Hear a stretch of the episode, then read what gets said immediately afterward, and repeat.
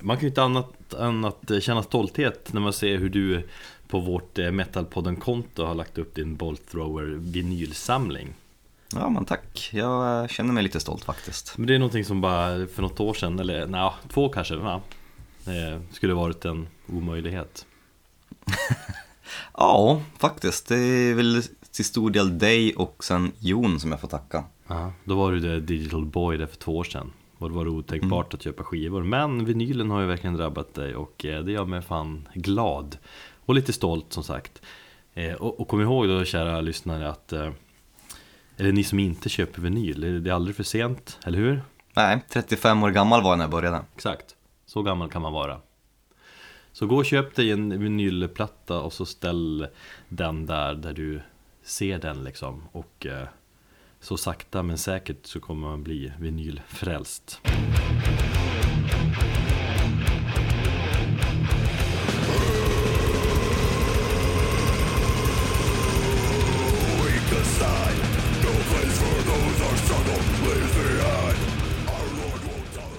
Du lyssnar på avsnitt 86 av Metalpodden.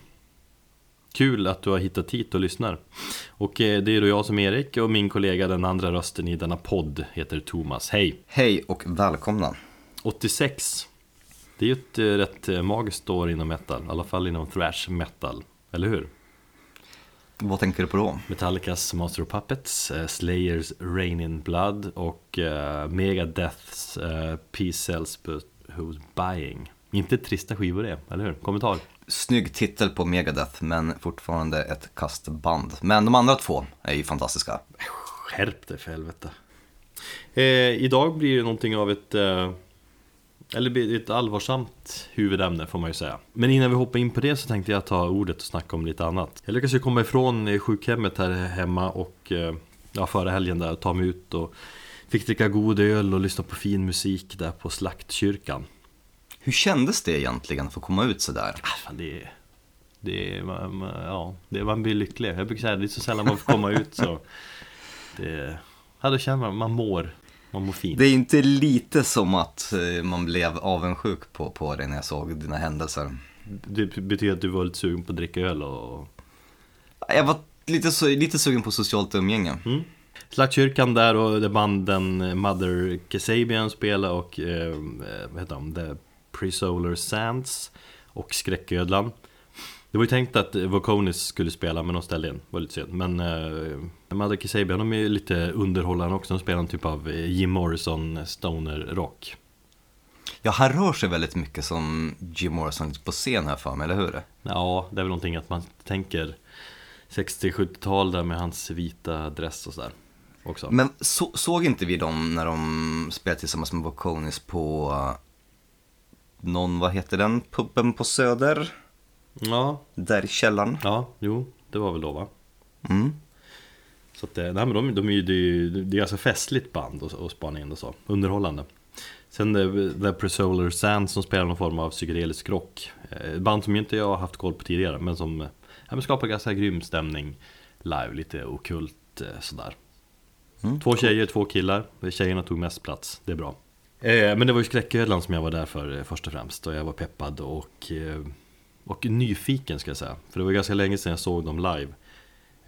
Och sen dess har de ju tappat sin basist och inte ersatt honom. Ja, kan du förklara lite grann vad som är grejen med skräck, Skräcködlan? Hade inte de splittrat? Eller skulle de inte splittrat?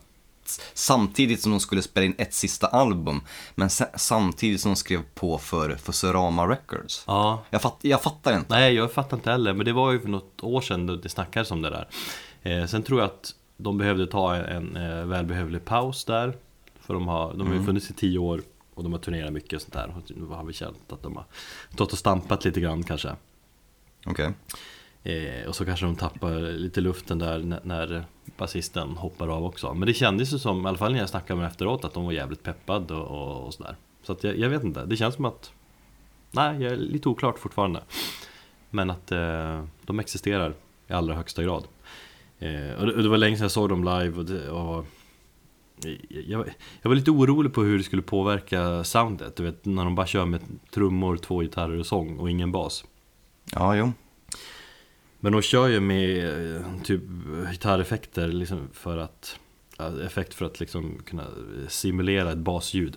Jag vet inte riktigt hur det funkar då, men det tycker jag, det, det känns som att det funkade bra i alla fall. Alltså jag, jag tänkte i alla fall inte på att basen saknades. Eller så hade jag druckit så pass många öl så jag inte tänkte på det av, av den anledningen, men det tror jag inte. Det kändes ganska tungt och helgjutet ändå. Var trummisen lika festlig som sist vi såg dem? Ja, alltså han... Eh, jag stod lite längre bak först, så jag kommer ihåg, jag sa till, frågade Marco, fan har de bytt trummis eller? Är han... Det är inte den här glada killen, han bara, men det är samma kille, så gick jag längst fram så såg jag, ja det är ju han. Han är ju skön för att han ler hela tiden, det, är typ, han, det ser ut som att han konstant tänker, fan vad roligt det här är. Eh, jag tror jag frågade honom om det efteråt också. Eh, så här, du är ju så glad hela tiden, han bara, ja men man kan inte vara annat än glad. Fan vad härligt Ja. att kunna vara konstant glad. Ja men det är man ju när man spelar, antar jag. Ja. Eh, Men det jag tänkte på när jag såg dem live igen, och då det tänkte jag på senast också, för det var ju länge sedan, men det är ju hur bra de är, alltså, och hur underskattade de är på något sätt. Folk blev ju ändå peppar som satan, och det flög öl och det folk crowdsurfade och det var sådär härlig stämning. Så jag fick en liten ny kick av bandet och är jävligt peppad på nya plattan där som ska komma i februari också som heter... Eh, vad fan heter den nu då? Earth. Earth ja. ja. Vad får spelningen för betyg? Ja, men en eh, stark fyra av fem måste jag säga. Mm. Det, och för sig, det spelar in allt det där att man liksom fick träffa vänner och få dricka öl och må, må allmänt bra sådär. Ja, Snackar, men det är ju hela helhetsupplevelsen, eller hur? ja, jag snackade en del med eh, Rockpodden Henke också. Mm. Eh, jag tyckte han skulle intervjua oss. men då tyckte han att vi skulle intervjua honom. Men det är han som driver, har en intervjupodd så, här, så han får intervjua oss. Det hade väl varit roligt, eller?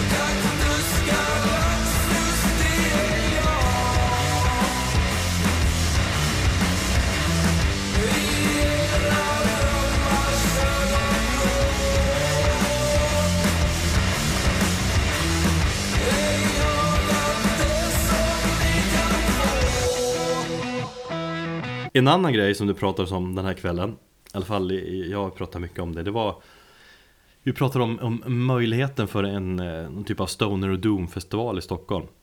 Kanske var det Marco där som tog upp idén. Alltså där på Okej. slakthusområdet är det ju Känns som att det är ett ganska- förträffligt läge där. Du, du har två scener väldigt nära varandra Typ 100 meter ifrån varandra Alltså Slaktkyrkan och eh, Kraken Eller Kraken. Och vä- i vägg i vägg med Slaktkyrkan så finns det en annan byggnad eh, Som jag upptäckte. Där var det någon form av elektronisk eh, klubb Nu. Eh, Och där inne finns säkert möjlighet för en liten scen också. Man kunde gå mellan husen och det var liksom schysst uppstyrt med bord och stolar på innergården mellan husen. Så potentiellt tre scener. Eh, Och tänk dig då Stockholms egen version av, liksom, fast lite mindre eh, Egen version av Roadburn eller alltså Desert Fest eller vad fan heter Heavy Days in Doomtown i Köpenhamn och så här.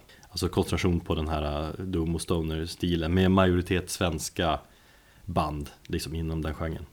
Det har ju något, eller hur? Slakt, husområdet och musik. Ja, absolut. Nu är det kanske inte Doom som jag för, förknippar med eller Stoner när man tänker på Slaktkyrkan, men eh, absolut. Det vore kul om, det, om det, ja, om någon kunde anordna en sån festival. Det är väl det som behövs, ett gäng eldsjälar att få ihop en sån där grej. Men det är kul att leka med tanken i alla fall. Jag gick igång på den väldigt mycket ändå. Och tänker att Sverige borde kunna få något liknande. Vi slänger ut det, den idén liksom bara. Ja, det var det jag tänkte. Kanske folk som nappar och, och styr upp det där.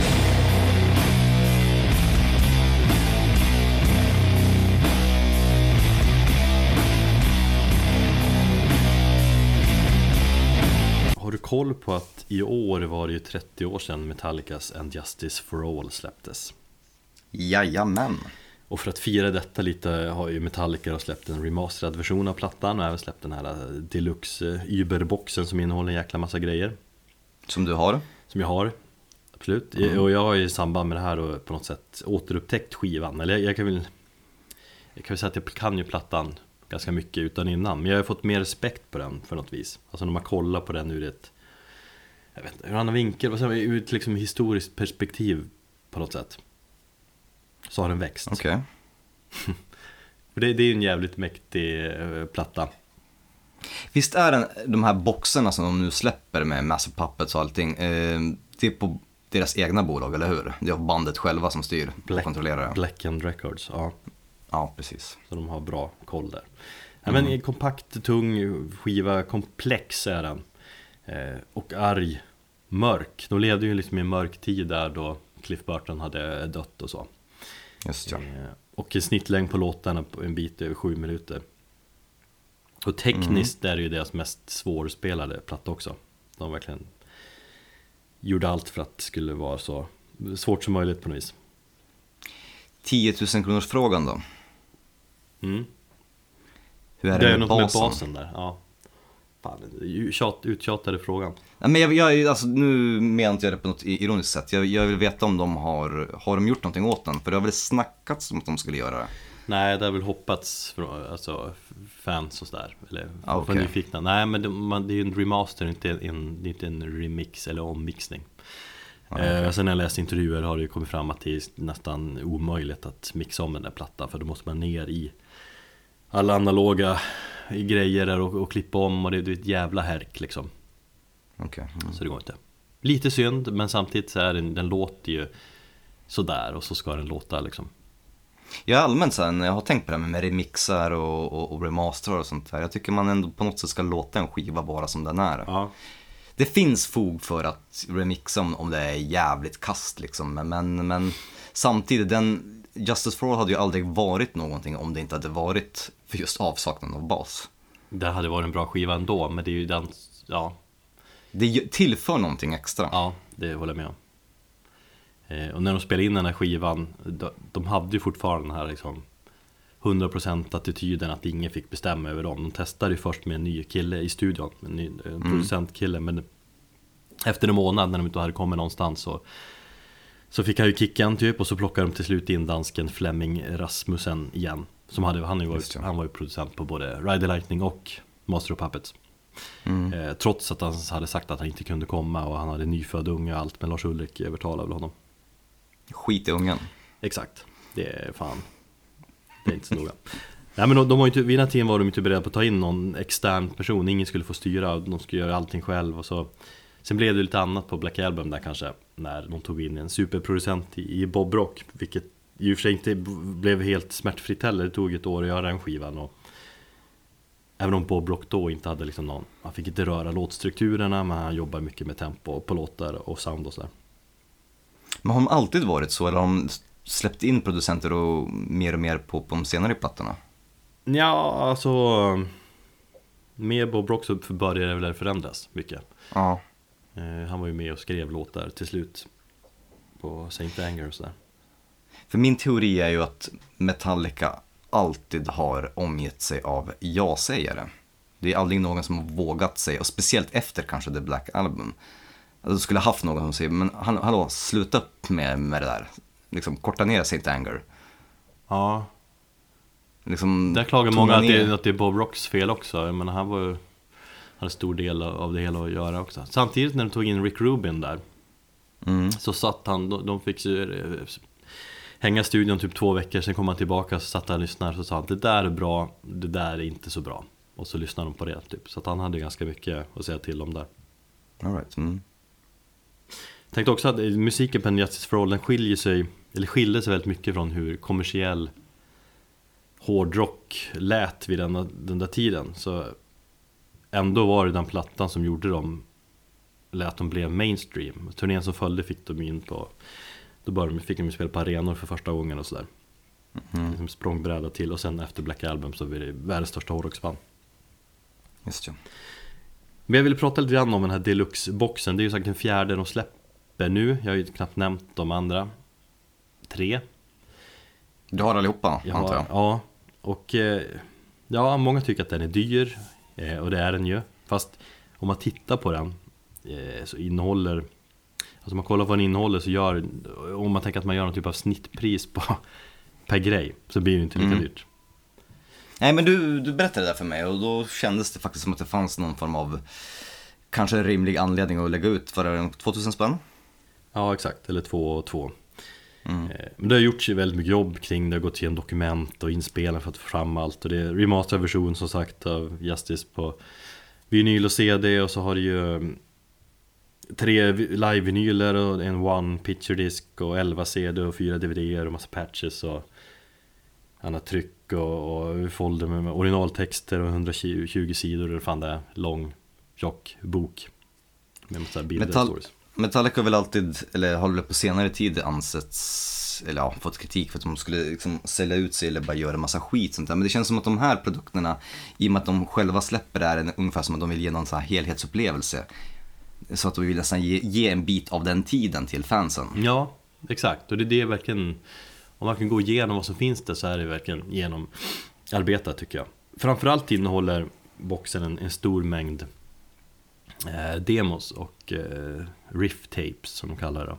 Och det är det som är det bästa och mest intressanta med boxen. Det är sammanlagt räknar 50 spår av ja, med olika demoversioner och riff. Och för många kanske det bara är blaha liksom. Jag vet inte, vad, vad kände du? 50 spår av? Sånt Ja, det, det kan vara kul att och, och, ehm, lyssna igenom för att se hur en låt har tagit, eh, tagit form. Exakt, jag tycker det är sjukt värt liksom, för att se det liksom, som ett häftigt eh, ja, tidsdokument eller vad man säga. Som en jämförelse så kan jag bara lägga in, jag fick en, eh, en demo som Thomas Jäger har spelat in för sin, den kommande Monolord-plattan. Och jag sa det till honom då också, bara, ja, han sa det var bara en demo, det var bara en idé som jag har dragit på liksom. Jag bara, ja, men det ska bli kul att se om ett år när, när kanske plattan släpps och, hur låten har tagit form. Mm. Och se hur den utvecklas när man lyssnar på, på en demo som man bara spelade in liksom lite mer spontant kanske. Så att absolut, ur, ur det perspektivet tycker jag det är jävligt eh, kul att liksom se. Fan? Och liksom v- vara med liksom, i processen och se. Ja, jag vill också lyssna på Monolord demo. Ja, men det kanske jag kan få göra. Mm, härligt. Över en öl någonstans. Absolut. Nej men som du säger, jag tycker det är sjukt intressant med hela den här skapelseprocessen när musik skrivs. Alltså mycket kanske därför att jag själv håller på med sånt lite grann. Men se hur en låt skapas från ett litet riff för att sen bli den här liksom kolossen till, till låt. Som låter så självklar i liksom slutprodukten. Att då liksom kunna jämföra tidiga versioner med, med en färdig version är väldigt coolt. Eh, och något som förvånar mig mest med de här tidiga versionerna är just hur vissa riff spelas på fel låtar. Liksom, de har eh, mellanspelsriffet på Black End till exempel. Den, I en tidig version så är, finns det med på Dire Sea. Det är massa sådana exempel. Eh, vilket låter jättefel. De har liksom klippt och klistrat ihop för att få ihop låtarna. Eh, så, de har ju alltid gjort så, men ju- just den Justice for All känns ju som så helgjuten och genomtänkt. Men här känns det som att de har Ja, det är mycket klippa kli- klistra i, i riffen. Mm. Men jag tänker liksom för att, få, för att folk ska förstå här så ska vi lyssna på eh, exempel på hur det låter på de här tidiga demoversionerna. Det finns exempel här, det är coolt att höra när Jason spelar och visar huvudriffet till eh, Blackend för James. Jason Newsted har ju, han har ju låtcred för en låt på en Justice for All och det är just för det här riffet då i Blackend. Mm. Ett riff som är sådär äh, Ja men det är fan, det är ett klassiskt metal-riff får man ju säga Som en gång ändå börjar på det här sättet i en replokal Typ där basisten visar För gitarristen hur, hur det ska spelas Så vi lyssnar lite grann på det Magic. Oh. okay. Yeah.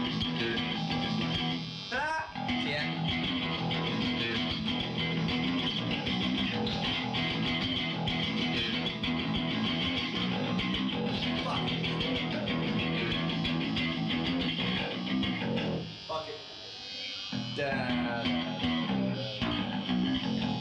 Play that slow. Play it slow.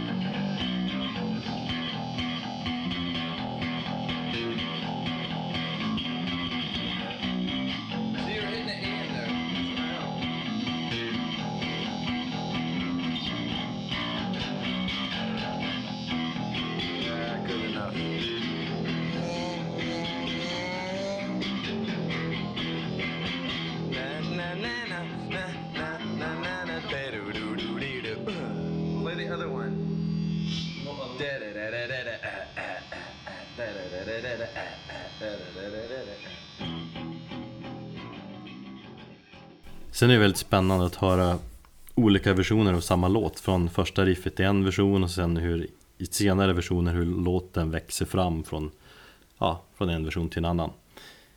Och här var det också jävligt coolt att höra en tidig version av Dire Sieve Dire Sieve som är liksom I slutversionen är en vad man kalla, argt riffmonster som, som berör hur James är arg och besviken på sina föräldrar typ. Eh, Mm. Och, och sen den tidiga versionen så är det helt, ett helt annat intro som jag aldrig hört förut Men som ändå berör någonstans. Det är lite coolt att höra något gammalt som man aldrig hört förut som James har skrivit. Och sångmässigt så brukar James alltid i demoversionen, han brukar alltid yeah sången Han bara yeah, ooh, yeah så här liksom. Men här lägger han liksom Han lägger Han visksjunger på något sätt Som jag aldrig hört han göra förut. Det är också ballt.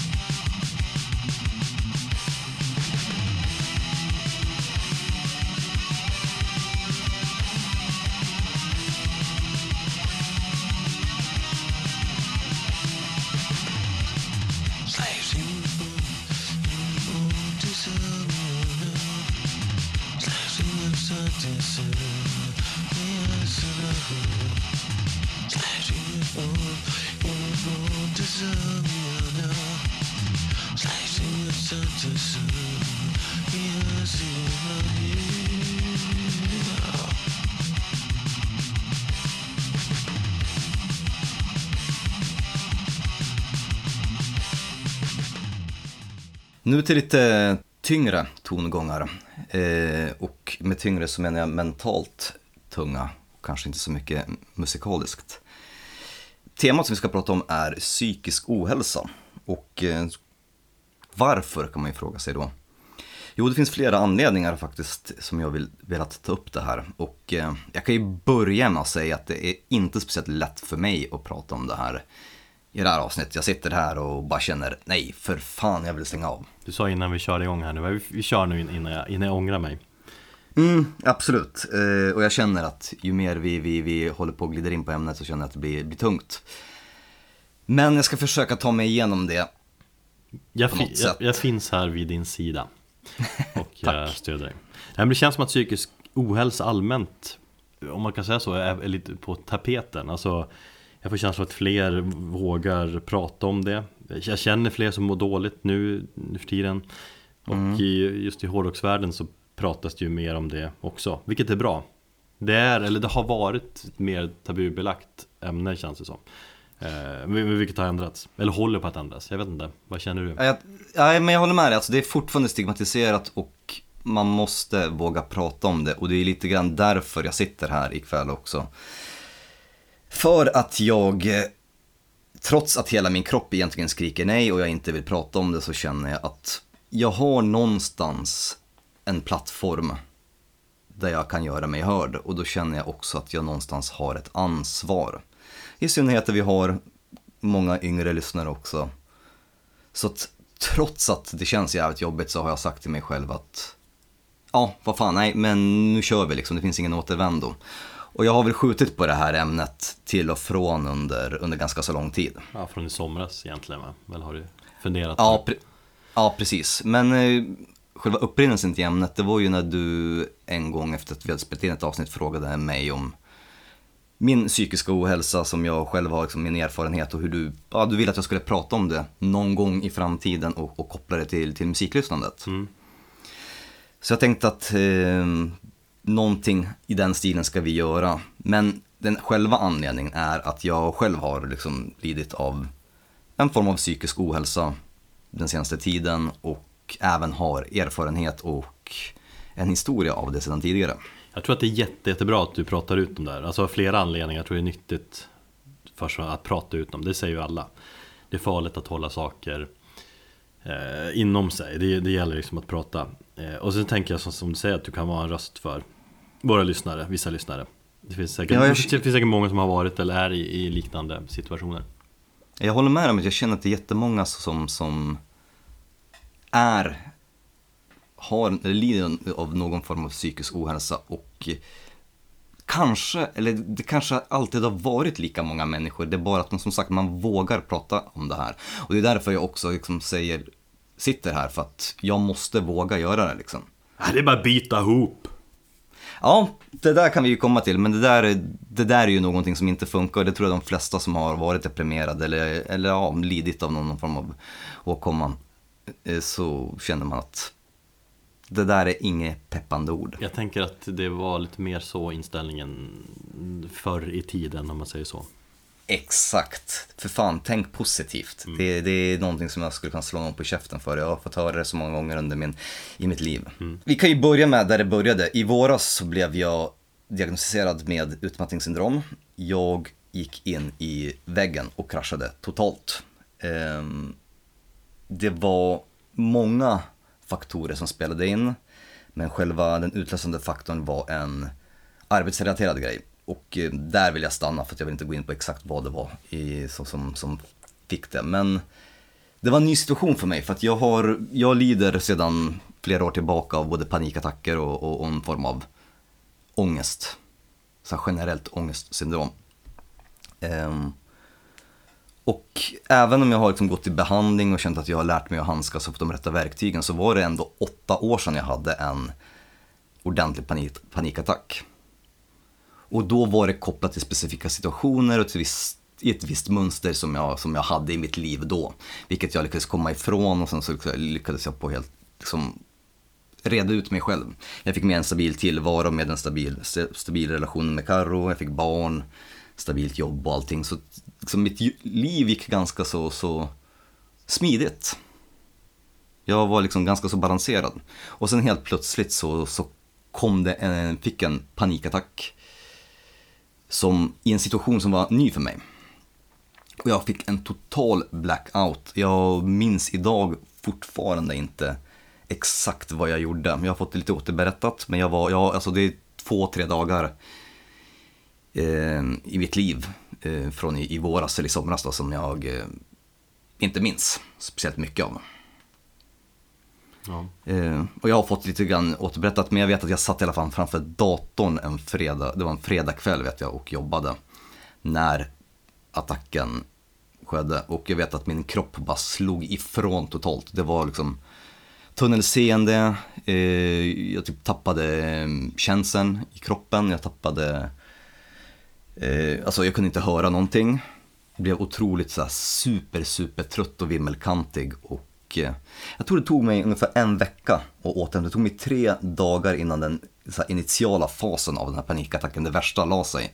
Men så låg det så här dovt i bakgrunden i ungefär ja, några dagar, fyra dagar till. Så en vecka innan jag typ var ja, någorlunda normal och kunde äta. Och jag kunde inte äta någonting under den, under den perioden. Ja, det, det var brutalt där, för jag, jag kände också som att shit vad han är Eller vad han mår dåligt just nu och man, där är man ju, man är ju, ja, jag var ju orolig Ja, eh, För det- poddens var- skull framförallt jävla svin. Ja. Nej men, Nej ja, men jag lite vet. så tänker man också, bara, alltså, jag tänkte så, bara, fan, kommer han klara av det här? Vad kommer hända? Jag kanske kan ta in ny En liten del av mig tänkte så, men framförallt tänkte jag ju såklart på din hälsa Ja, ehm, ja, självklart har jag väl också tänkt på podden och, och allting och, och liksom, vi kommer till det lite, lite längre framöver. Men framförallt så fick Caroline då, min sambo, fick se mig på riktigt när jag hade en eh, panikattack. Jag har ju berättat för henne, jag har alltid varit öppen om, alla, om min psykiska ohälsa och sådär. Eh, men hon fick se det och hon fattade först inte, vad som- hon blev först förbannad på mig på fredagen där när jag fick den här. Hon bara, vad hände med honom? När jag, typ, min kropp bara av, jag låg och störtgrät liksom ohämmat i flera timmar liksom. Och, och sen började hon förstå, bara, oj då. Mina barn såg det. Och det som är det jobbigaste i, i, i det här hela var att en månad senare så fick eh, min son då, Zacke, min äldsta son, eh, uppgift i förskolan att han skulle rita, ja men rita av någonting hemma, föräldrarna, mamma, pappa. Och då kom han hem med en bild och så och, och, och hade han sagt till fröken, det här är min pappa. Han sitter och gråter framför datorn. Uff, den, är, den är tung. Ja, och det här var en månad och då hade jag liksom på något sätt ändå fått lite distans till mig själv. Men när han kom hem med den här bilden, jag har den bilden faktiskt uppsatt på um, kylskåpet. Och det, alltså det tog så jävla hårt och, och bara få... Jag vill inte säga att jag, att jag var svag, för att jag, man är inte svag när man är... När man lider eller när man mår så här dåligt, men... Eh, Alltså jag vill, in, jag vill inte att han ska se sin pappa. Jag, menar, jag är ju ändå på något sätt hans, eh, ja, liksom, jag är han, pappa du är så stark. Liksom, jag är ju hela tiden hans role model. Ja. Pappa du är så stark, du är så, du är så, du är så stor, du är så lång, du, du dödar liksom alla monster när vi pratar om monster och sånt där på nätterna när han liksom. Så, där. så jag ville verkligen inte att han skulle se mig svag. Men jag vet inte, kanske på något sätt så var det bra att han fick se sin pappa i ett sånt tillstånd också, för då kanske han får någon form av förståelse. Men ändå att det här sjuka, att, han, att det låg liksom hos honom någonstans i bakhuvudet att en månad senare ritade av det. Den känslan. Mm. Det har etsat sig fast i honom. Ja, det har det. Mm. Så att eh, det var, ja men det här där hände, jag jobbade lite till, jag tog semester och under semestern så, så sökte väldigt mycket efter mig själv och liksom kom underfund med hur jag ska lösa det här och om eventuellt en semester kan ge mig lite distans så jag kan komma tillbaka till jobbet och eh, ja, börja köra igen. Men typ bara första dagen efter semestern, jag hade fem veckors semester, kom jag tillbaka och så bara slog det till igen.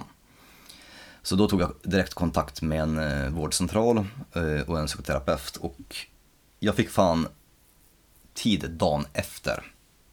Jag ska faktiskt säga, det är mycket kritik som man ger den svenska vården. Eh, om att de inte reagerar i tid och sånt där. Jag, jag, jag har inte upplevt det för att jag har alltid fått hjälp och jag har fått hjälp, väldigt snabbt.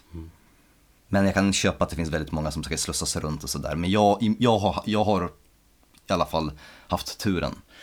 Så jag fick träffa en psykoterapeut och vi, vi, vi pratade, gjorde allt från fysiologiska liksom, tester på mitt hjärta och blodprover och sånt där. Och allting visade att det var normalt. Men att jag har mentalt lite tungt. Och då sa de så här, men du har utmattningssyndrom, det är helt klart. Men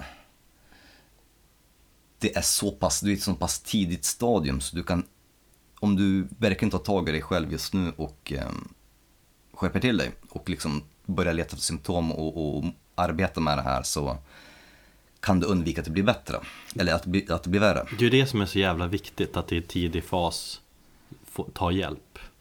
Eh, Precis. Och där kanske du hade lite hjälp av liksom dina egna erfarenheter, att du vi- visste Du kände dig- själv så pass bra så att du visste att du behövde, behövde hjälp helt enkelt.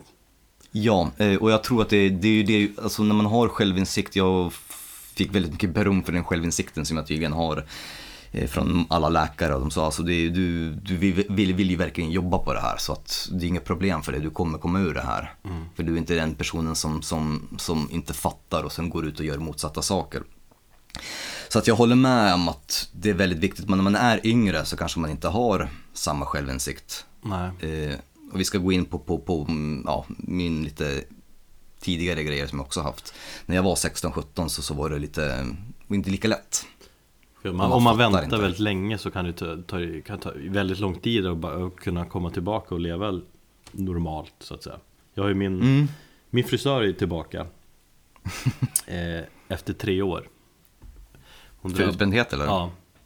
ja men hon, hon väntar in i sista och kämpar på liksom och, Men eh, mådde bara sämre och sämre vilket gjorde liksom Ja, därför tog så lång tid för henne att komma tillbaka så att det, det kan ju vara sjukt brutalt Och det var ju det jag kände också när jag var när jag, jag tänkte ja, han får sin sommar här nu och, hoppas att det blir bättre. Men sen när du, när du var tillbaka på jobbet efter semestern och hamnade ner i skiten igen så att säga, då kände jag Fan, det här kan ju bli svårt för dig. Mm.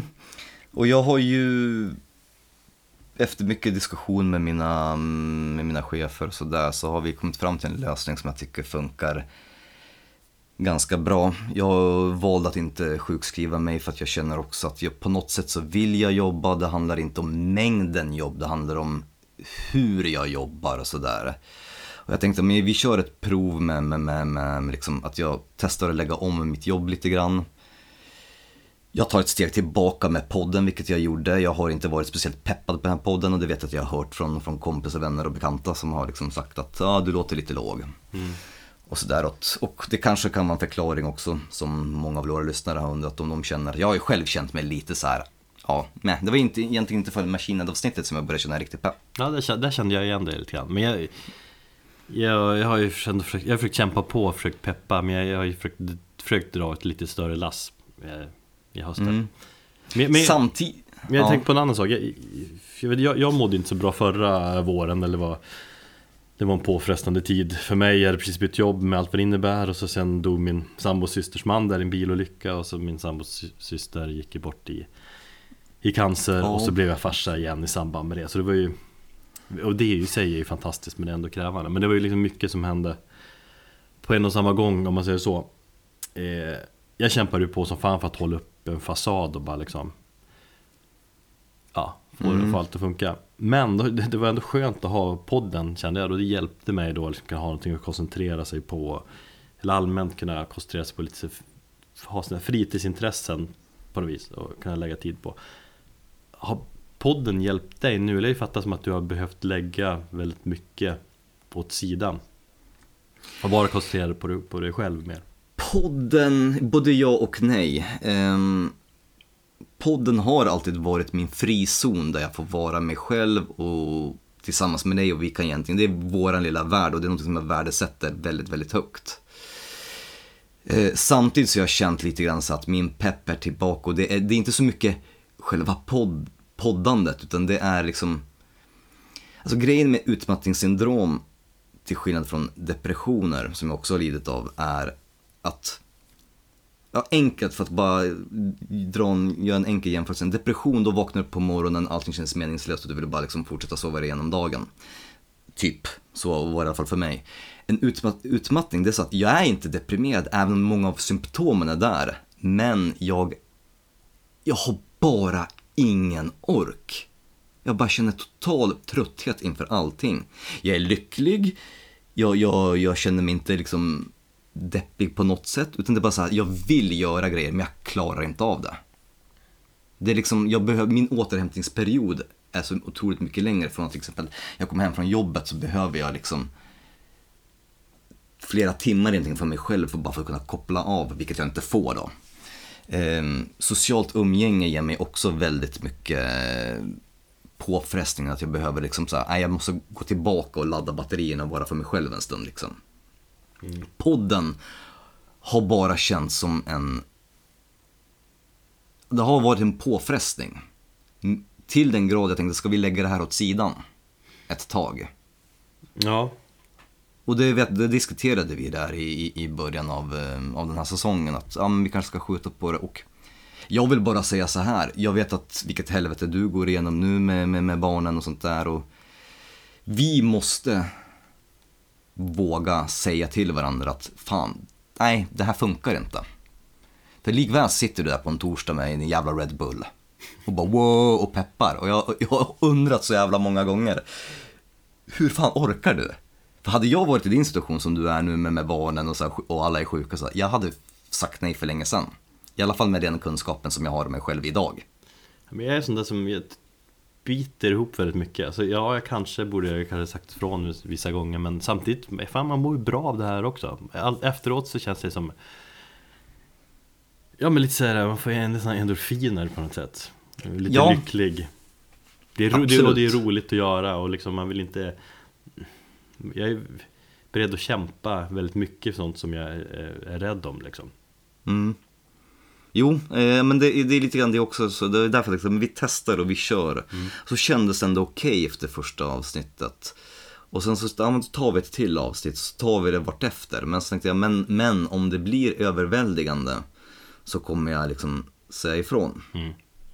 Sen så har jag bara medvetet, men bara okej, jag, jag, jag, jag går lite grann på sparlåga så kör vi bara liksom. Och, och, och jag tar ett steg tillbaka.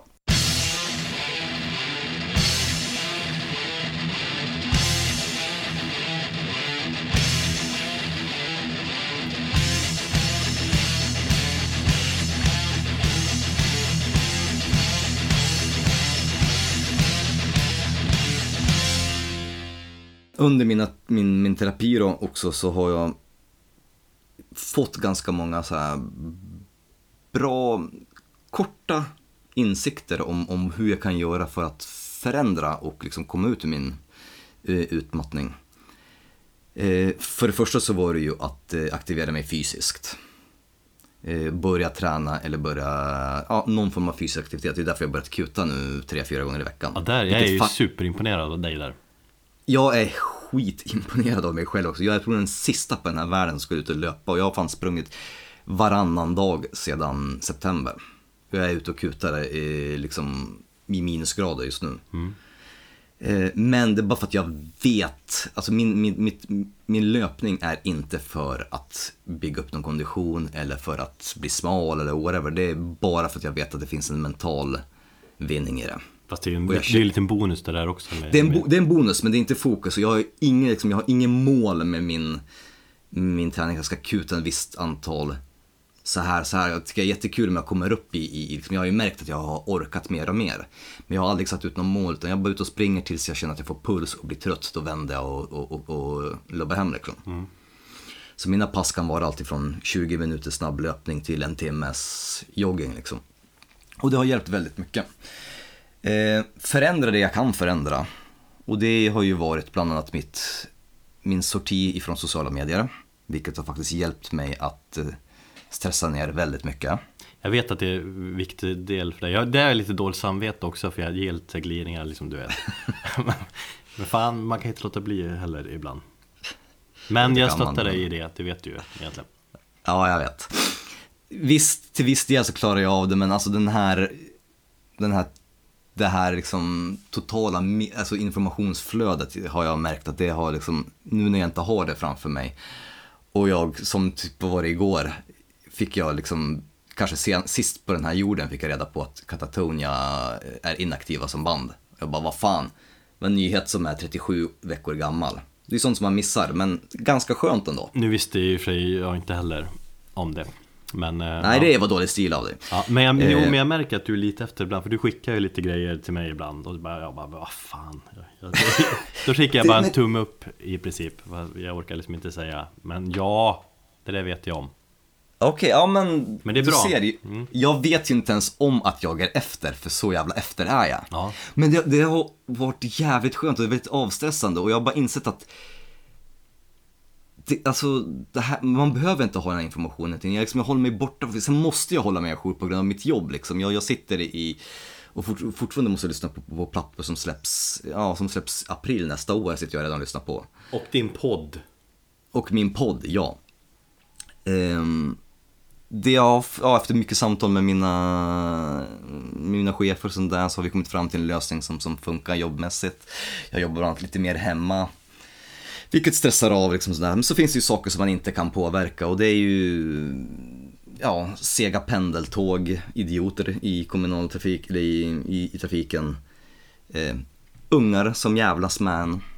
Och sånt får man helt enkelt ta. Det där, eh, alltså du blir ju, har jag märkt, lättare irriterad på folk i allmänhet eh, Man kan säga att du hatar folk i allmänhet mer än vad, vad jag gör liksom Jag försöker ha liksom den inställningen att ja, men folk är olika och, och sådär, det får man acceptera eh, Politiskt eller ja, allt, allt möjligt liksom. Men det där märker jag att det inte alltid är så nyttigt för dig eh, Att umgås och se folk. Eller så får du jobba mer med, med den grejen. Nej, jag, jag vill liksom, jag kan villigt erkänna att den här stan stressar mig så jävla mycket och, och att jag behöver liksom, jag behöver ett miljöombyte, jag klarar inte av storstan längre det är också en stor del av, av min stress. För att eh, för mycket människor och sånt där, det ger, ger mig stresspåslag. Men idag bara när jag gick som, åkte hem från jobbet och det är bara så jävla mycket folk och vet, folk trängs överallt och det är ingen som visar hänsyn. Det är bara, jag, jag bara liksom fantiserar om att man bara ska kunna s- liksom gasa hela jävla T-centralen. Ja, jag vet. Där, ja, men där är vi olika, för där kopplar jag på min musik eller min podcast eller någon bok jag lyssnar på. Så, och då tänker jag tänker inte på de andra. Jag tycker det är ganska skönt att bara vara med sig själv den där timmen hem liksom. Ja, Eh. men det, det är skönt. Men, men det finns liksom, det finns ju fortfarande, man möter alltid någon som man stör sig på. Vare sig man ska gå ut ur pendeltåget, någon som tränger sig före. Eller vad vet jag, när det är fem stycken lattemorsor med sina barnvagnar som går i bredd liksom. Eller någon idiot som totalt visar, inte visar hänsyn och knuffar sig fram och, och har sig liksom. Det är bara, ja, men absolut, jag är i sånt mentalt tillstånd att jag inte klarar av såna små grejer som man egent, jag egentligen borde bara låta rinna, rinna av och, och egentligen bara vifta bort. Så att jag håller med om det. Men jag är fortfarande, mm, mitt mål är att flytta ut i skogen och, och bygga en gigantisk vallgrav. Och minera liksom ett område runt omkring mig och där ska jag, Karo och barnen bo. Den har du ju berättat om tidigare. Eh, ehm, Tror du inte att du kommer att tänka om lite grann? Visst, det är lite en överdrift såklart. Du kan ju inte bara flytta ut skogen så. Eh, Men när du, du kommer må, bättre framöver. och Att du liksom kanske ändå bara gillar folk lite mer. Och kan tänka någon, så här, någon mellanting. I ditt eh, eventuellt kommande boende och sådär.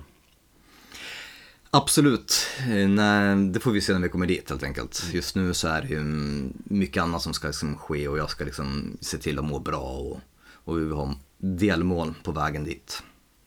Men det gillar jag, du hade ju tagit lite panik att flytta härifrån och bara försvinna bort. Det har lagt sig lite grann, det är inte samma stress på det nu om jag förstått rätt. Ja, vi, vi var ju på väg härifrån i, eh, i, ja, eller i, i början av, av, av hösten. Men äh, det, vi kände nog sen att vi, fan, vi kanske är lite för snabba och vi måste få det här att gå hand i hand. Så att vi, vi kollar fortfarande och tittar på lösningar. Det är, liksom, det är inte så lätt att flytta när man ska byta jobb eller ehm, behålla jobbet och pendla och man ska byta förskola eller hur man nu ska göra. Det är ganska komplext Lite roligare hela eh, det är att du lyckades trigga igång en Ja med Niklas, en polare, så att han, han, flytt, han flyttade istället Han nämnde det för Ja. mig liksom, han var på gång, Thomas var på gång men sen, och sen blev vi lite sugna och nu, nu flyttar vi Ja, ja, han, han bara, ja men fan vi ska också flytta och sen veckan efter har de sålt, sålt sin lägenhet och köpt nytt liksom. Ehm, jo, jag vet, vi är fortfarande på väg härifrån. Ehm, när det sker, det vet jag inte. Och, och, och hur det blir av, det vet jag inte heller. Men, men eh, det får ta den tid det tar helt enkelt. Just nu så eh, fokuserar också Karo på att eh, plugga upp en massa betyg. Hon är asduktig, jag är så jävla imponerad av henne. Så att, tänkte, plugga färdigt det här så, så att du kan liksom söka det jobbet du vill ha sen så, så tar vi det därifrån.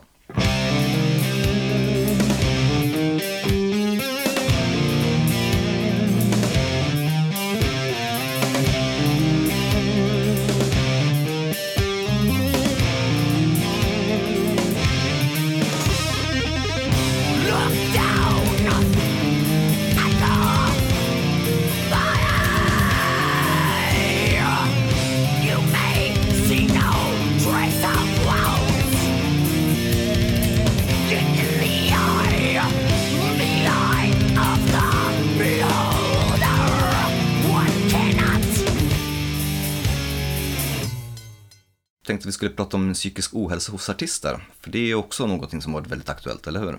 Verkligen. Det- Ja, det är, det är väldigt aktuellt känns det, framförallt inom hårdrocksvärlden. Samtidigt, jag är lite kluven också där med psykisk ohälsa eh, i, hos artister och så. Alltså, vi har väl varit inne på det själva, eh, att från, från psykisk ohälsa sen så kan ju väldigt bra saker uppkomma. Absolut. Du vet, in, Skapar ju väldigt mycket bra konst, ja. kan en helt liksom, normal funtad person skriva så där fascinerande och extrema grejer som finns liksom inom viss metal kan man ju fråga sig. Och, och vi har väl pratat liksom halvt på skämt, men lite på allvar också att musiker är sämre när de har när de har till eller när de inte är en eh, liksom, deprimerad eh, snubbe eller tjej eller nerknarkar och så vidare. Mm. Fast om man kollar bara liksom senaste åren, eller året, hur det ser ut i hårdrocksvärlden så är, ja, så är det inte så kul. Man, jag, Nej.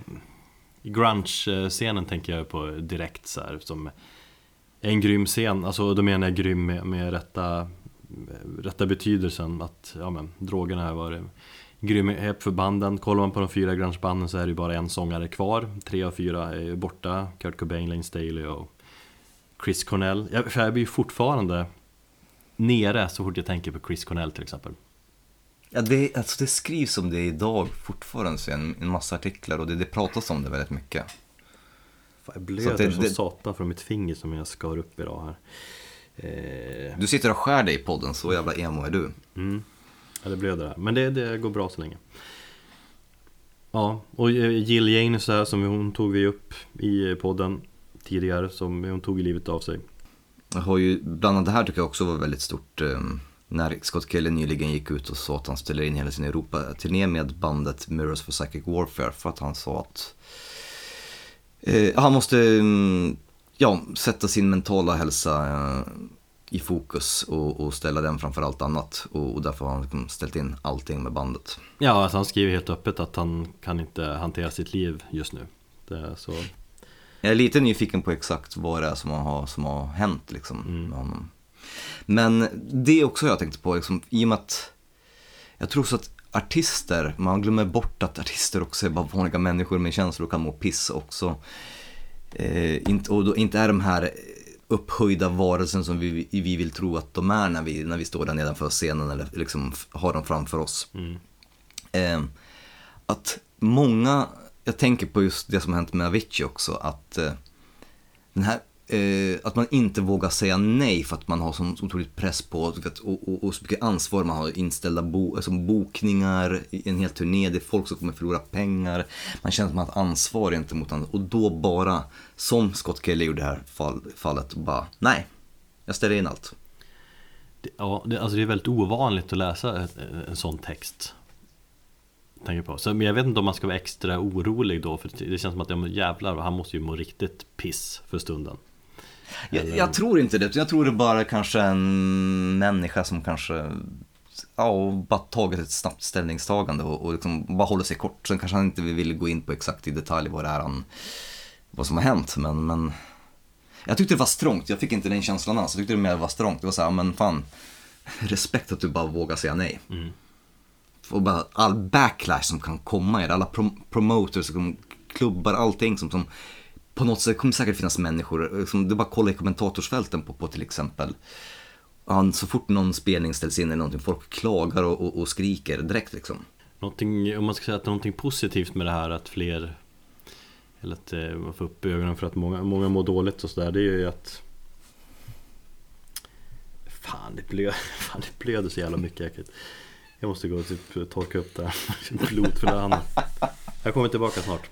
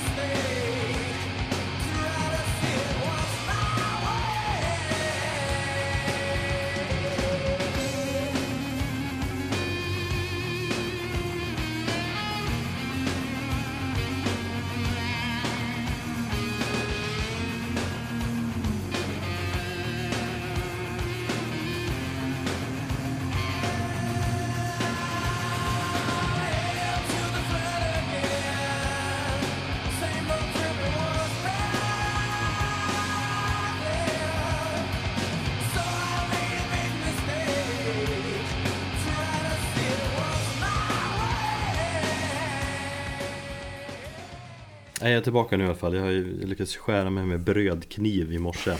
Ganska brutalt, så det blödde hur mycket som helst. Eh, och nu börjar jag blöda. Nu har jag frostplåster. Eh, du vet de här tjejerna. Mm. Eh, på mig i alla fall. Det svider. Fan. Jag har Avengers-plåster hemma utifall någonting skulle hända. Ja, du får komma hit med dem ifall det här inte hjälper. Vadå, du menar att det är omanligt med frost eller? Nej, men eh, tänk om de inte hjälper. Det är barnplåster, de kanske inte är så bra. Jo, men det, om man ser någonting som är positivt med allt det här det är att folk får upp ögonen för att det är många som mår dåligt inom scenen. Eh, när Jill Janus tog livet av sig så uttalades ju eh, Lizzie Hale, sångerskan från Hailstorm om det hela. Att hon tycker att man ska vara, försöka vara öppen. Man, man skulle väl typ lägga upp en bild och, och göra djävulstecknet typ. Nej, men för, för att för medvetandet om, om psykisk ohälsa och sådär. Det hon skrev var jävligt fint faktiskt. Mm. Jag blev, ja det var ganska stärkande. Ja, Och sa att liksom vi är, eh, vi är alla in this together liksom. Mm. Det påverkar oss alla på ett eller annat sätt liksom. Ja. Så vi måste hålla ihop. och det, det är ju väldigt bra och viktigt att så, eller kända personer pratar om det hela. Mm. Det kan säkert hjälpa många.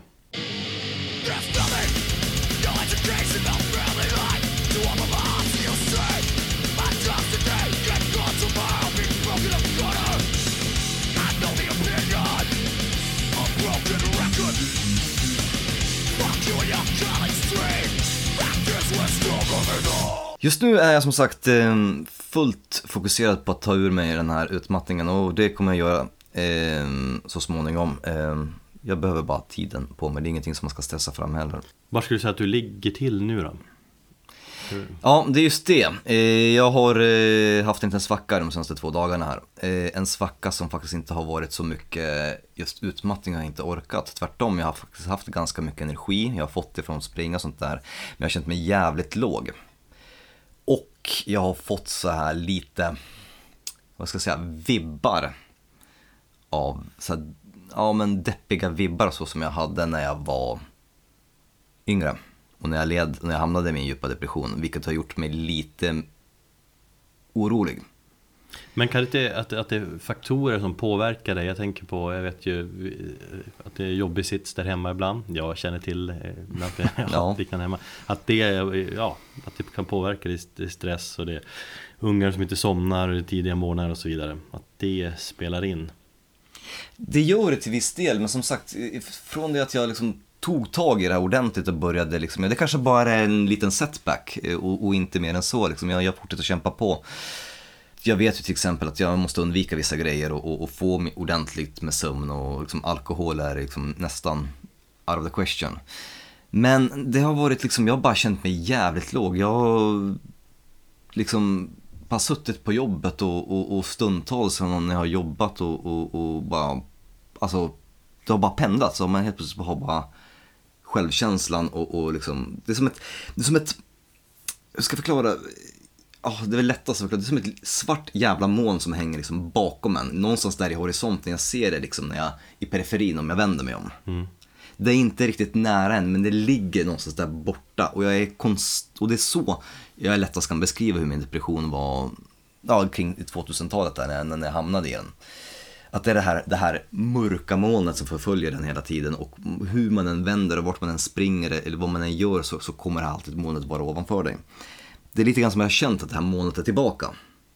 Så det har gjort att jag är jävligt försiktig just nu med Ja, och, och bara liksom, och kollar efter ol- olika symptom och, och, och, och signaler som, som jag, jag ja, hos mig själv. Och till exempel så har jag märkt, men jag har ju lyssnat väldigt mycket på, på Katatonia för det har varit en, liksom, våran samtalspartner i, i mörkret och, och, och liksom, i det här svåra.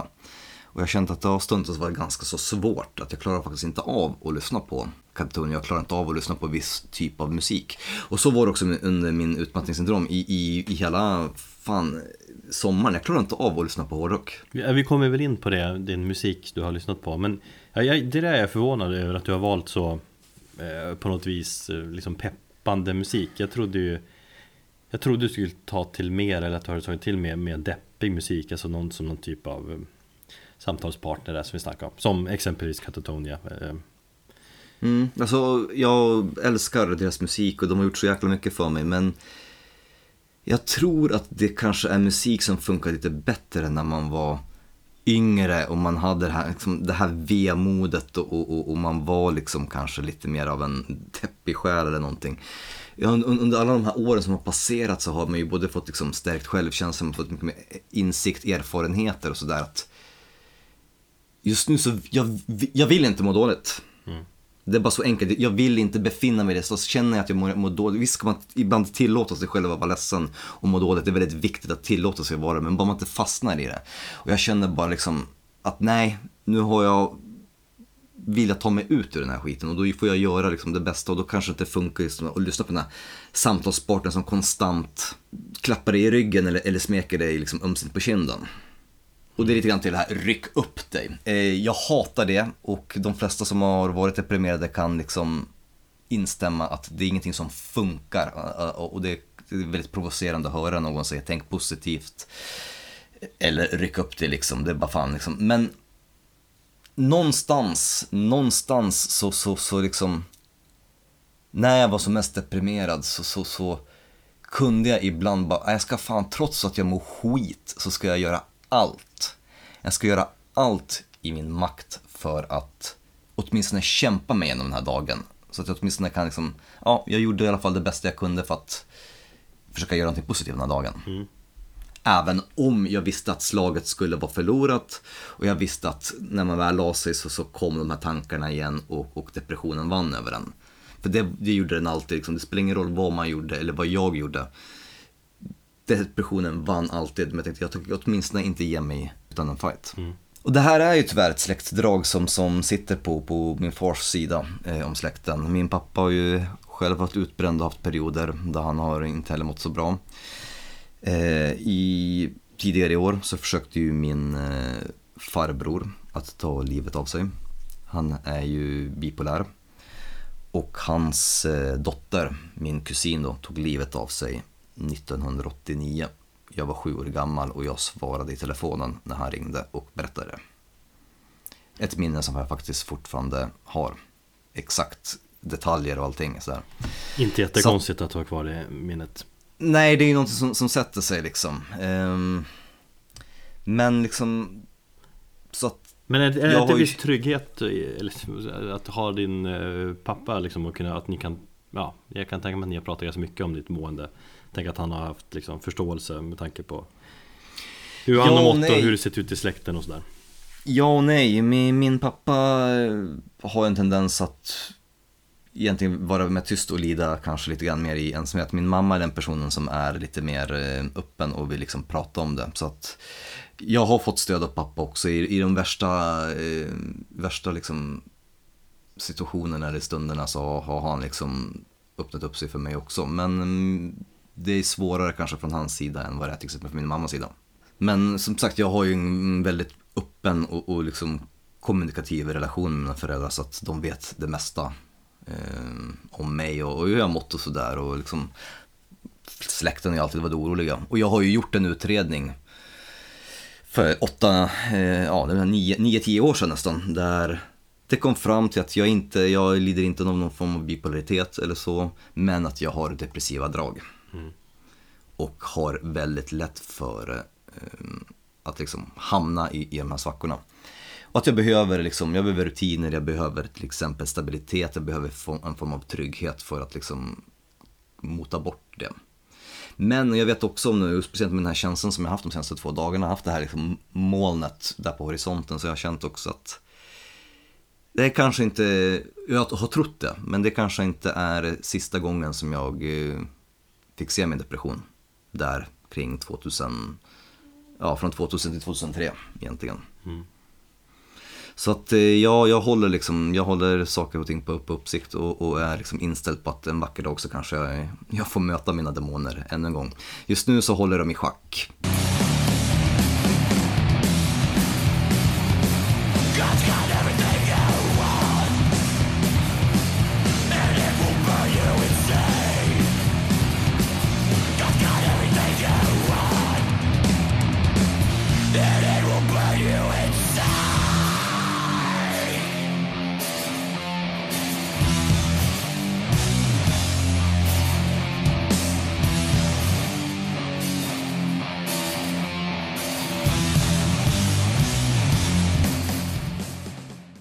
Till musiken. Ehm, jag har valt fem stycken låtar som har en koppling till min depression och som har agerat mot polen till den här samtalspartnern.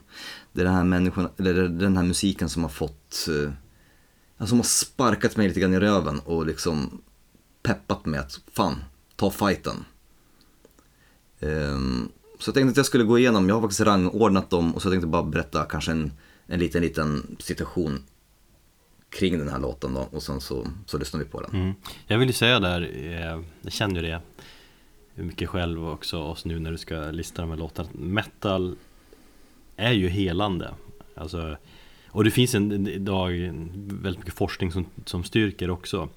Mm, Eh, absolut. Att metal får folk att må bättre. Annars är ju synen av, av metal hårdrock för, för många att den drar till sig folk som mår dåligt och får dem att må sämre. Att, att det är liksom en, det bidrar till en, en destruktiv livsstil. Och det är väl den kanske traditionella synen tror jag. Och det blir jag fan irriterad på. Alltså, jag menar alltifrån att skolmassakrer ska skyllas på sån musik eller att folk blir mobbade för att man är hårdrockare och allt sånt där. Det är ju ändå själva verket så att och så har jag känt själv tusentals gånger att musik är helande och snarare försvarar mig från att må dåligt än att det får mig att må dåligt. Om du förstår vad jag menar. Absolut, jo, jag förstår det. Eh, men jag vill också, för mig så har det varit, just gjort den här listan så har också varit distinktion att jag har som sagt, jag vill inte ha en partner som lyssnar på mig utan jag vill ha den här drilling coachen som skriker på mig lite grann. Och bara kom igen för fan, liksom, fånga dagen, lite carpe diem liksom, nu gör du det bästa du kan av det. Det har varit lite sånt för att det har Ja men ibland så kanske man behöver en, en, en, en liksom, kanske inte en spark i arslet eller någon som säger ryck upp dig, men någon människa som tar dig i handen och så säger så här, Fan jag hjälper dig, res på dig, vi går ut och gör det här tillsammans liksom. Ja, för jag, jag tror att jag har kommit underfund med det, det här med att, att konst, eller allmänt, så tycker jag konst på många sätt handlar om att få en att, att, att känna sig mindre ensam. Ja, Liksom, absolut. Om du hittar någon typ av konstform, metal i det här fallet, som talar till dig så får du den att ja, men, inse att du är liksom inte ensam att det, och att det är okej att känna som du gör och att det är fler, finns fler där ute som, som mår som du var. Alltså att du har någon att hålla handen och så, här, så kan peppa upp dig och, och så. Jag säger det till, till alla som lyssnar, liksom, mår du dåligt så håll dig inte inom dig, sök hjälp. Det finns alltid någon som lyssnar. Eh, man är aldrig ensam och även om det känns ensamt, eh, som det har gjort för mig så jävla många gånger och ännu en gång, alltså gör det idag. För Karo förstår mig och hon kan sympatisera men hon har aldrig varit där själv. Hon är inte den typen av person som har lika lätt kanske och liksom, hon är inte lika känslig som jag helt enkelt. Mm. Så, så finns det folk som säger att de, de, de stöttar en och säger att de, de förstår. Men, men har man kanske inte varit det så är det väldigt svårt att förstå det. Men det finns alltid någon som man kan nå ut till. Och det är jävligt viktigt att man, man är öppen om det. Nej men att veta Därför- att man inte är ensam, att det finns människor där ute som, som vill och kan hjälpa till. Eh, det finns hjälp att få även om man kanske måste anstränga sig för att hitta den också ibland. Absolut. Jag kan rekommendera den här dokumentären Down Again med eh, Mark Hunter från Kimira. Har du sett den? Ja, den har jag sett. Mm. Jag blev lite besviken på att de kanske inte gick in lite grann, jag trodde det skulle vara mer på djupet av eh, hans psykiska ohälsa. Men ändå, de rör och förklarar lite grann hur, hur en, ändå en sångare och en frontman i ett väldigt populärt band där i början av 2000-talet, hur, ja, hur han mådde. Ja, den, den är ju intressant. Men den är lite för kort och inte så djup som du säger som man kanske hoppas. Men man, men man får ju ändå upp ögonen för eh, för många för, för liksom psykisk ohälsa och vad det innebär och framförallt för hur musik kan hjälpa. Precis. Ehm, han kände ju sen ett tag att musiken inte funkar liksom, för att han var ju på toppen av sin karriär och kände att han blev mer och mer stressad och mer och mer olycklig. Ehm, därför att det var för med, ju, ju med framgången så, så ställdes det mer krav på honom. Så idag så, de gjorde väl någon återföreningsspelning eh, för första gången på sju år eh, i slutet av förra året och nu så spelar de bara så här något gig om året för sakens skull. Och ehm, ja, han fotograferar istället. Mm. Ja, bandet är väl nedlagt egentligen. Det jobbas inte på, på ny musik. Nej, det görs det inte. Men det är också lite kluven till det att ja, man, han har hittat fotograferandet istället som en ersättare och grejer och fan. Ja. Kanske svårt Ja. det också. Men eh, varför Ja, inte? Fast han förklarade ju det, det som att fotograferingen är, det är någonting som han gör för sig själv och ingen egentligen kan han har full kontroll, det är så man förklarar det. Han har full kontroll liksom. Han är ensam, det är han som bestämmer. I, när han är i ett band och skriver musik och texter så visst, han kan bestämma men det är fortfarande en, en form av demokrati och han måste dela det med tre andra, eller måste, fyra andra. måste alltid kompromissa och sådär. Och måste alltid kompromissa och det är det han inte gjorde och han kände att det hjälpte honom med hans depression för att han hade full kontroll. Och det är exakt det jag känner när jag springer. Eh, jag har full kontroll. Har jag haft en stressig dag, haft ångest och, och, och attack, panikattacker. När jag springer så kan jag kontrollera mig själv mentalt och fysiskt precis som jag, hur jag vill. Det är därför jag mm, känt att det har varit en sån, sån räddning för mig att kuta. Därför att känner mig trött, sänka farten, känner mig pigg så kan jag, liksom, jag har full kontroll över, över hela liksom, händelseförloppet. Så att det kanske behövs ibland. Jag, jag har alltid stillat mig blind på att musik och musik ska vara det enda som, som hjälper mig och, och som på något sätt peppar upp. Men det finns ju, det finns ju olika saker. Att gå ut i skogen till exempel och vistas väldigt mycket i naturen har ju också varit en, en, en grej som har hjälpt mig väldigt mycket. Mm. Ja, men musiken är en hjälpande hand av flera i alla fall.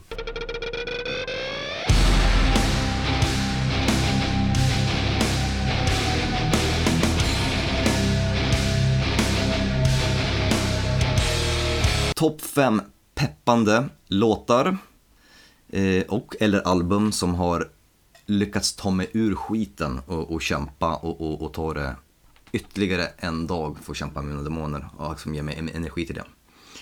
På plats nummer 5, eh, Slipknot, Duality.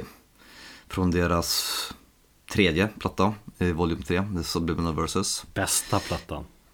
Eller hur? Jag vet inte, alltså de flesta säger väl att de har väl aldrig överträffat Iowa därför att det var mest metal och minst nu metal och den handlade om Satan och det var en get på omslaget. Men alltså jag, jag älskar eh, Volume 3 för det, den är så flippad och out there. Ja, du har verkligen tagit ut svängarna. Det är därför jag gillar den Ja, också. ja experiment, är så här jättesjuk produktion med ljudbilden. Så här, men jag, jag älskar den, jag tycker den är svinball. Och just den här låten lyssnar jag väldigt mycket på ehm, när jag bodde och pluggade på Malta. Det var under 2006, eh, ja, 2005, 2006. Även om det inte finns något speciellt peppande i själva texterna utan den är tvärtom, det är ju ganska så mörk text så, så tycker jag ändå det finns någonting upplyftande i den. Och det är kanske för att jag kände eh, någon form av samhörighet med Corey Taylor. Han har ju varit ganska så öppen eh, om sin psykiska ohälsa och han skriver jävligt bra texter där han tar upp väldigt mycket sådana mörka ämnen. Så jag tror att det finns miljoner människor på den här planeten som har, som har kunnat liksom räddas av honom på det sättet. Men, men det är just den här själva raden You cannot kill what you did not create som jag tycker är ganska så fantastisk. För det är typ synonymt med, med, med depression. Det är ju ingenting som, som du själv har skapat och därför kan du inte typ ta död på den. Det är så som jag to- tolkade den texten i alla fall. Fan, det är mörkt ändå. I push my fingers into my eyes. It's the only thing that slowly stops the ache. But it's made of all the things I have to take.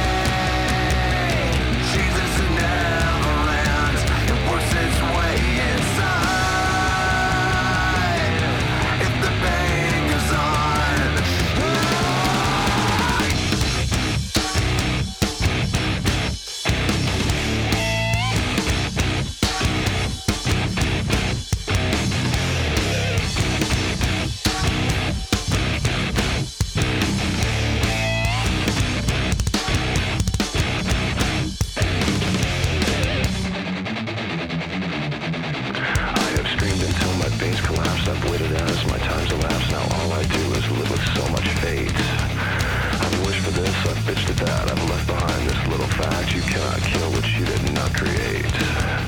I've gotta say what I've gotta say, and then I swear I'll go away. But I can't promise you'll enjoy the noise. I guess I'll save the best for last. My future seems like one big past. You're left with me cause you left me no choice. I push my fingers into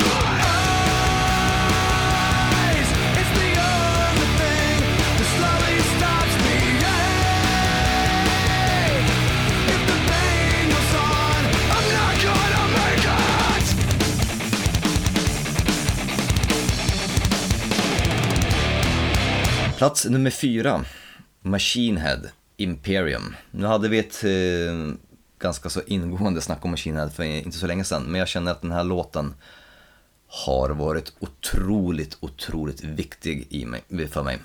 Eh, skivan kom ju 2003 eh, och det var ju där kanske ungefär då min depression var som värst. Eh, och just själva textraderna All my life I felt alone, conditioned to believe that I'm always wrong. Och Fuck these chains, no goddamn slave, I will be different. Som är någon form av så jävla... Jag får gåshud. Det märks att du var, du var extra peppad där un- under Machine Head avsnittet. Det gillar jag. Ja, alltså hela den låten är ju bara ett jävla ställningstagande på att man aldrig ska liksom, låta något eller någon trampa på en. Och då fortfarande Rob Flynn inte överdrev med att skrika och fuck you och eh, han- att han håller upp sina mellanfingrar i luften. Sen så gick det lite överstyr. Men den låten, den är otroligt upplyftande.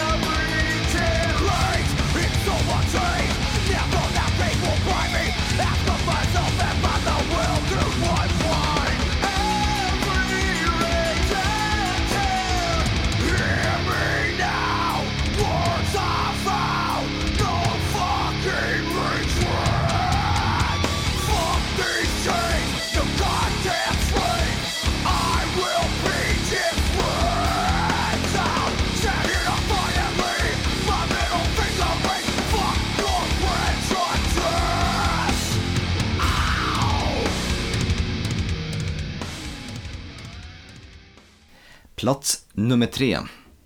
Slayer, Cult från Christ Illusion. Mm, ehm, förvånar mig lite grann. Varför då? Nej, jag vet inte. Jag, jag tror det skulle varit en annan Slayer-låt kanske. Men det, ja, du har ett speciellt förhållande till religion och grejer. Så att jag kan tänka mig att det påverkar. Annars tycker jag texten är både cool och töntig. Lite Carrie King-style. Alltså religion so whore och I made my det- choice 666. Det är töntigt.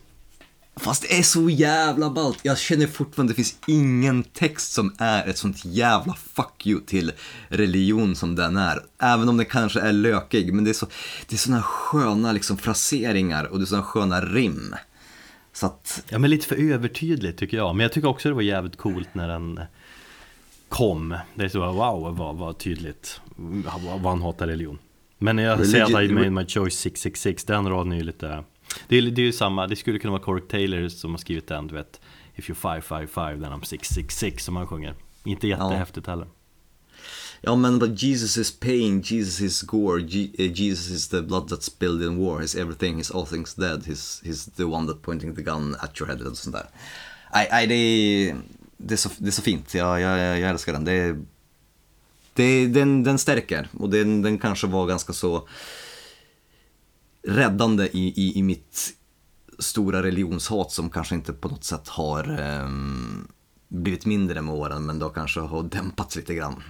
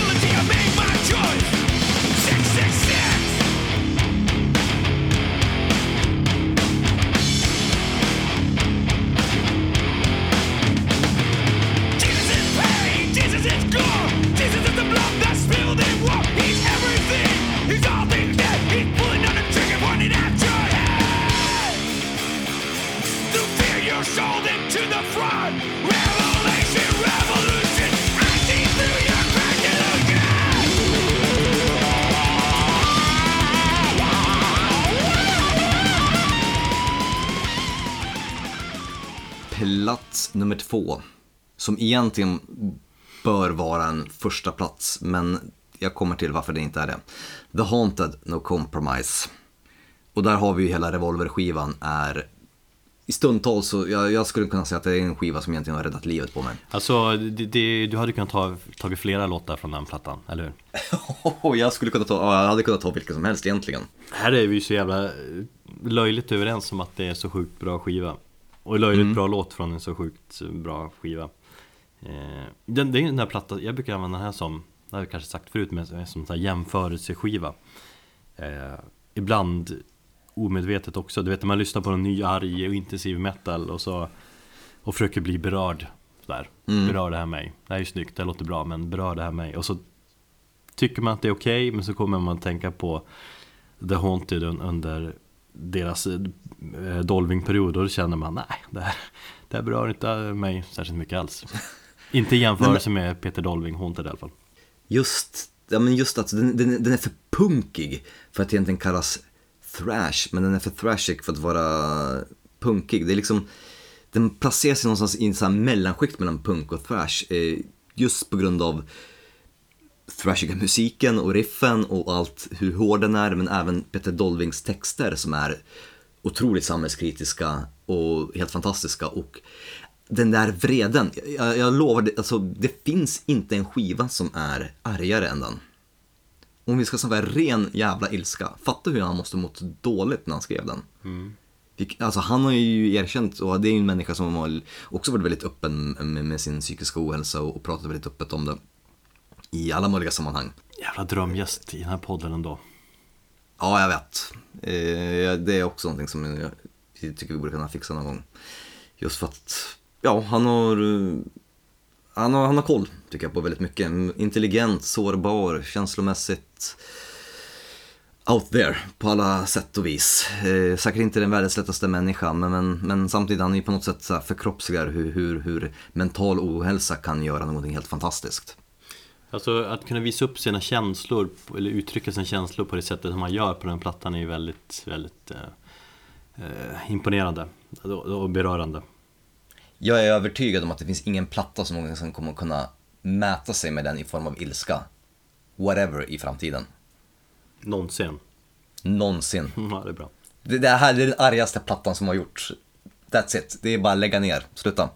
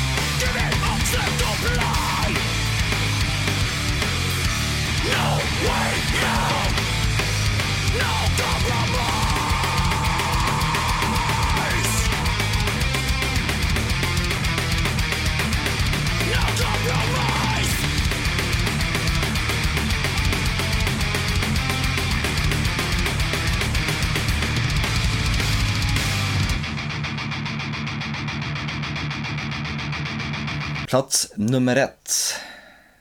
Och det kanske kan komma som en eh, överraskning för vissa. Hatebreed, Give Wings to My Triumph från skivan Supremacy.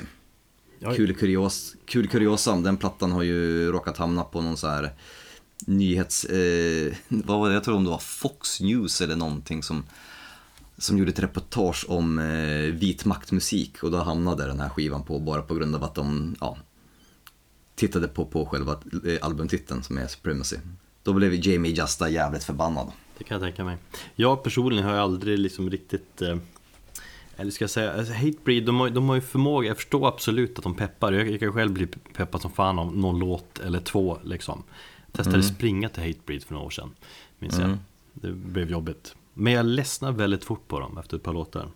Det är som att det går mycket samma, det är jätteargt hela tiden Och det är det här Ja. det är hardcore metal och, åt metalcore hållet också lite grann Ehm, Ja, Ja, det finns ju inte så mycket utrymme för att göra någonting annat. Eh, Nej.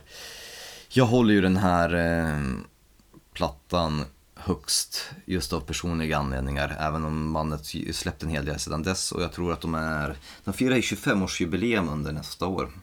Har jag för mig också som band. Eh, men det är någonting för att det här, jag var nyinflyttad i, i Stockholm. Eh, och då hade jag, det var då min andra period av psykisk ohälsa började. Och då när jag började få totalt oplanerade och superspontana panikattacker typ hela jävla tiden. Och typ visste inte riktigt, då hade jag inte riktigt koll på, på, på vad det var. Ehm, men då var den här, det här var en skiva som jag minns jag satte på väldigt ofta på morgnarna för att liksom på något sätt liksom rycka upp mig ur sängen när det var som värst. Och Jamie Justa och hans, menar, han skulle ju kunna jobba som en här motivational speaker och bara stå liksom och, och, och, och, och, och, peppa för det. Jag ser honom som den här typ trill sergeant i Full Metal Jacket fast ja, kanske inte fullt lika grov och, och hemsk mot, mot andra människor utan han står med och skriker du är bäst i världen, du är Ingen kan nå dig för du, du klarar av att göra allting och det är ju så hans texter är. Han är jävligt eh, peppande på det viset Framförallt så här live är det ju väldigt, väldigt mycket så Sen kan jag köpa att det blir jävligt mycket bro metal över det hela i den här genren. Ja, Och det är ju det jag har lite svårt för, för med, med viss hardcore och, och hardcore metal. Men mm, jag kan inte förringa det faktum att Give Wings to My Triumph och hela Su- Supremacy-skivan är Ja, har varit den här mentala, mentala tränaren som har liksom fått mig att resa på mig. Jag har ju till och med den, text, den låttiteln tatuerad på min underarm. Under min, ja, sånt här douchiga fas, tänkte jag att det jag gör det. Så, med det så tycker jag vi avslutar det här eh, mentalt tunga avsnittet. Jag har som sagt suttit och, och, och laddat och, och, och liksom peppat och försökt att komma igång så att jag känner nu att jag är så ganska så uttömd och, och energilös. Så jag behöver min återhämtning. Men det känns väl ändå eh, ganska bra? Absolut, men jag kommer fortfarande klippa det här under två, tre dagar och då kommer jag säkert gråta och, och, och kommentera en massa saker till dig på Messenger. Ja, men jag, jag finns där vid din sida. Jag ska ju få plåstra om mitt sår igen, skar mig med den här brödkniven och det kan jag inte rekommendera. Fan vad du blöder. Fortfarande? Ja. Eh, Och det har svidit hela inspelning så det är synd om mig också Det är det. Fysisk ohälsa Nästa gång när vi återkommer, då är det dags att summera året. mm. Jag måste bara bestämma hur min lista ser ut, kämpa med det där men eh, det kommer väl gå bra va? Det tror jag. Nu lyssnar vi på Hatebreed, Give Wings to My Triumph och Ta hand om er. Tack så fan för att ni lyssnar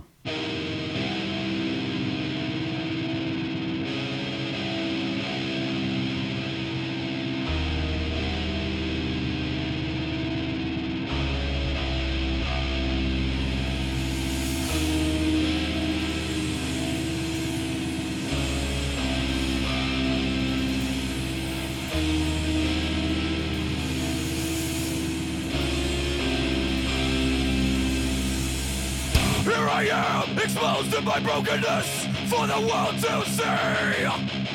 Here I am, screaming these words. It's all I've ever known of serenity. Here I am, telling my pain, bearing my soul to the world. Here I am, venting on this page, flooded insecure no more. Here I am, coming clean with myself, knowing that this time would come. Here I am, like a thousand voices, I know